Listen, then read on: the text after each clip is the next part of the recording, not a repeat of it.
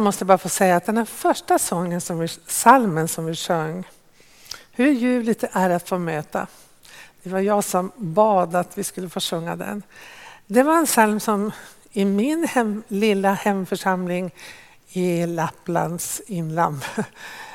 Vi sjöng den varje söndag. Det, skulle vara, det var en söndag månad så hade man så här, ehm, vad heter det, församlings eh, ja, församlingsmöte efter gudstjänsten och då var bara församlingen samlad. Och så sjöng man den här.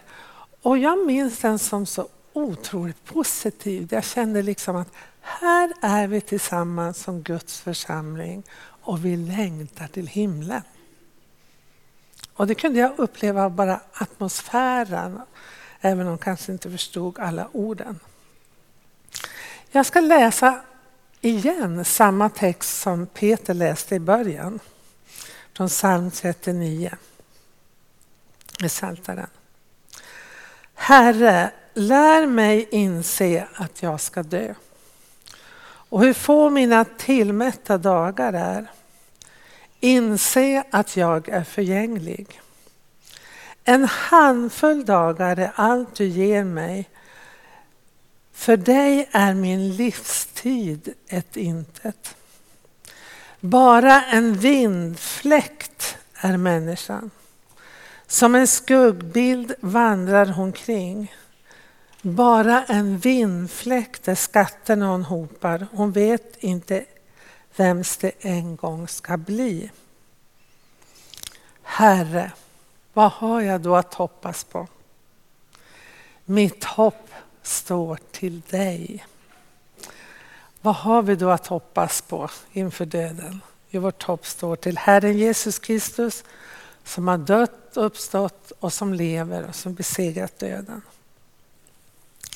När jag skulle förbereda den här predikan och läsa den här texten så fastnade jag för det. Herre, lär mig inse. Jag har faktiskt inte tänkt på det förut. Att det här är en bön om att Gud ska lära oss att inse att vi ska dö. Egentligen behöver vi, skulle vi inte behöva lära oss det eftersom vi alla vet att vi en gång ska dö. Men det är ofta så att vi försöker förtränga det. Lär mig inse att jag ska dö.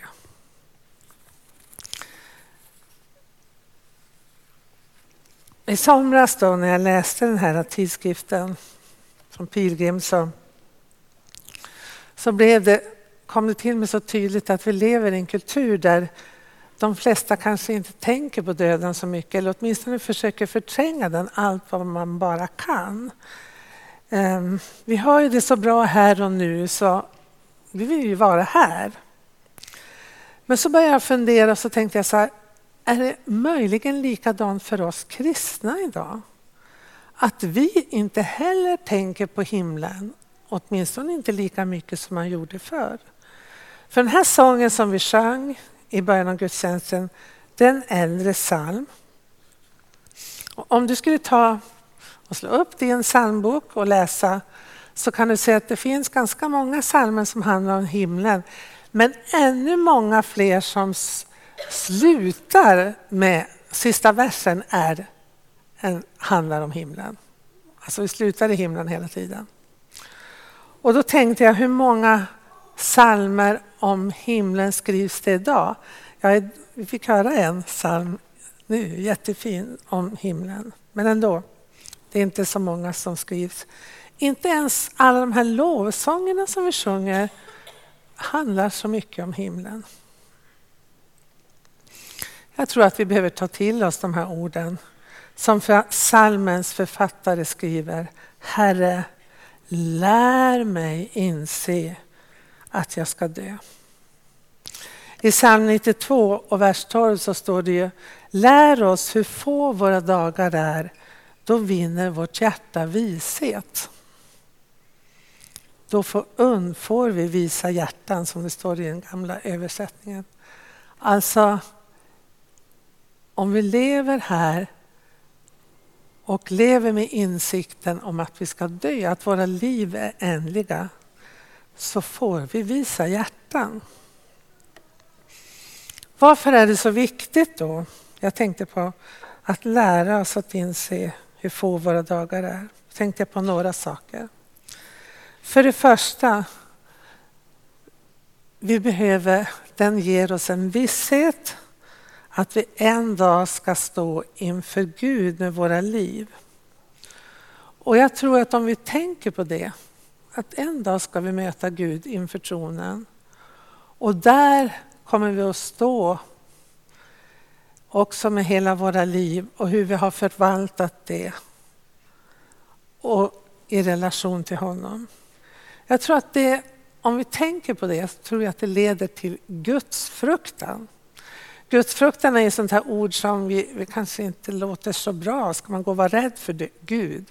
Men det är inte riktigt det det här ordet menar, gudsfruktan, utan det är mer den att vi har Gud, att vi, en medvetenhet om att Gud finns och att vi låter honom ha den plats i våra liv som han ska ha. Gudsfruktan. Du kan ju fundera på ordet själv. Mm. Det andra, att om vi inser att vi snart ska dö, det är just det här, det påverkar hur vi väljer att leva våra liv. Vad är viktigt i evighetens ljus? Vad är viktigt i evighetens ljus? Vad ägnar vi oss åt? Vad är det som upptar det mesta av vår tid? Ja, det är klart, om vi har, lever mitt i livet och har ett arbete så är det väldigt ofta just det. Men det kan ju också vara mycket annat. Mycket tror jag i varje fall. Allt för mycket i vårt liv går åt att vi ska försöka tjäna så mycket pengar som möjligt så att vi kan skaffa oss en massa prylar. Både hem och hus och bilar och allting som vi samlar på oss. Och då tänker jag Psaltarens ord, bara en vindfläkt är skatterna vi samlar. Att det är något som vi behöver tänka på. För det tredje tror jag det är viktigt att vi inser att vi är förgängliga. Alltså våra kroppar är förgängliga. Vi orkar inte alltid göra allt vi önskar. Våra kroppar är sköra och de blir mer och mer sköra och i det bemärkelsen förgängliga ju längre vi lever. Man orkar inte göra lika mycket när man är 69 som jag, som när man var 39. Och inte ens om man är 50 kanske man orkar göra lika mycket som när man var 30. Även om många påstår idag att 70 år är, fem, hur är man säger, fem, 70 är 50 år som var tidigare. Ja. Och för det fjärde, Någonting som jag har tänkt på är det att när jag var ung, då tog jag livet så självklart. Jag tog också det liksom när det blev vår och sommar och blommor och alltihop där som vackra runt omkring oss. Det blev, var bara något självklart som fanns där i mitt liv. Nu när jag har blivit äldre så måste jag säga att varenda dag, varenda vår inte minst, eller varenda dag, så tänker jag på allt det vackra som finns runt omkring oss.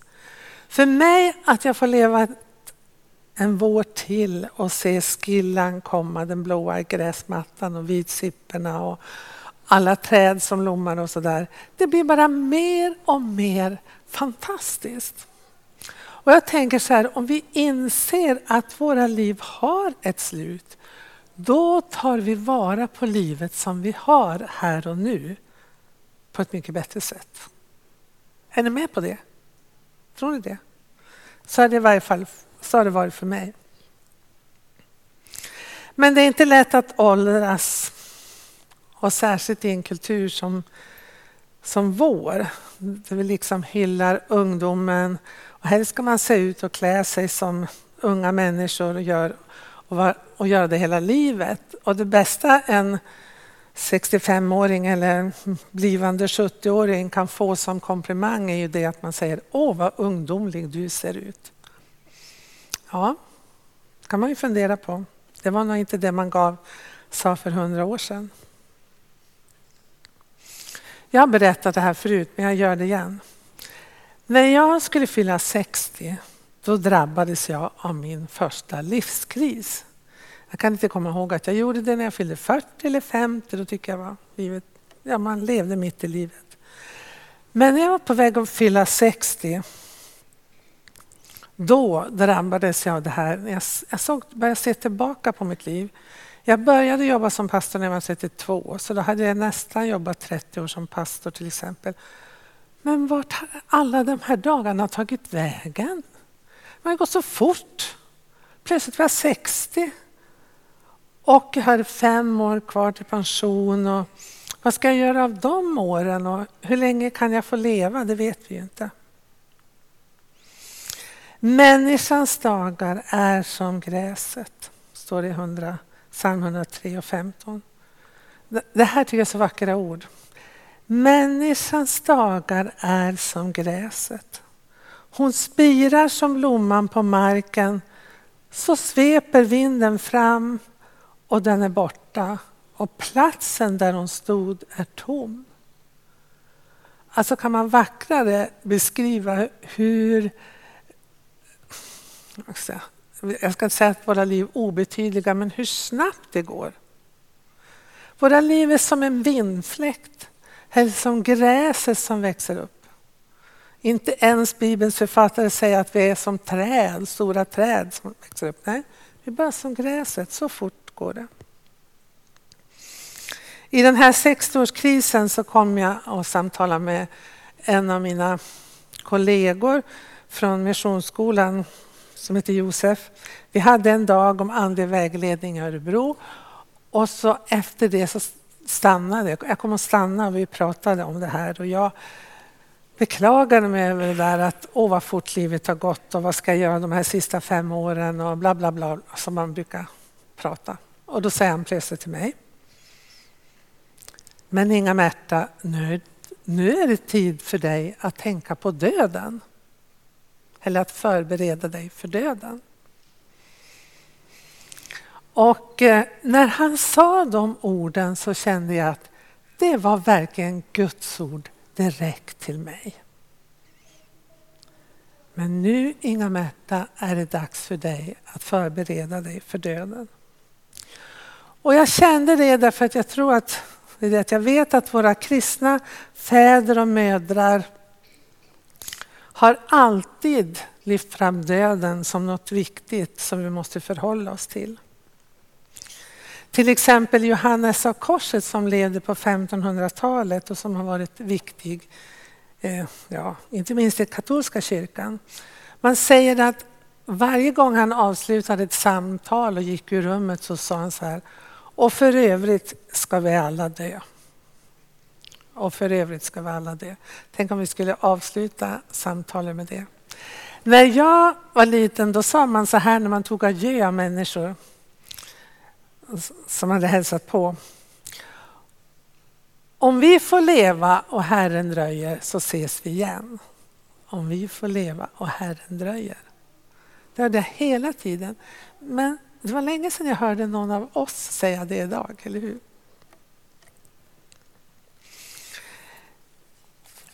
Ett ord som har varit till tröst för mig är det här med att åldras. Det är inte så enkelt. Man ska ju som sagt vara, vara ung och fräsch. Här står det så här i Andra Korinthierbrevet, det fjärde kapitlet. Jag tror jag kommer upp på vägen här. Därför ger jag inte upp. Även om min yttre människa bryts ner förnyas min inre människa dag för dag. Även om en yttre människa bryts ner, det är helt klart att vi åldras, även om vi försöker motverka det på alla sätt och vis. Men min inre människa kan ändå dag för dag förnyas.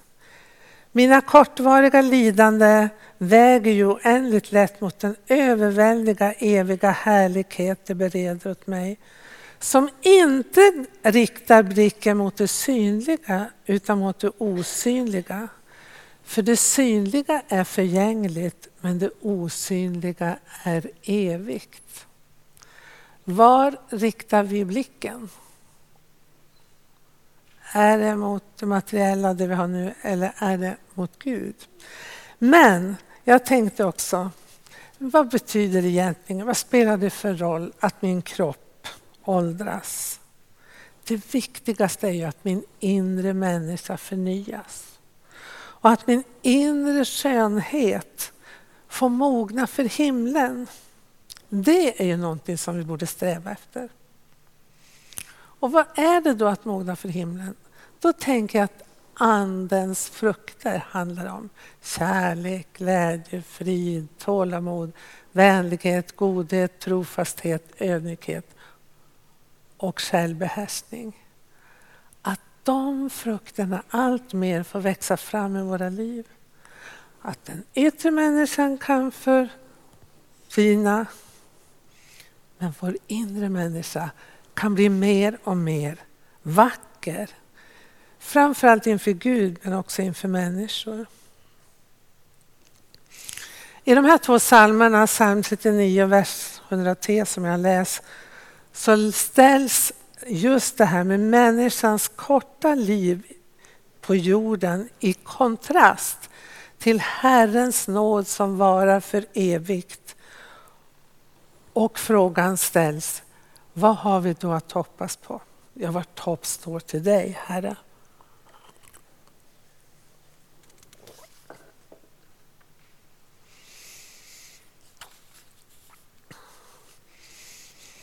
I en av psalmerna i vår psalmbok så står det så här.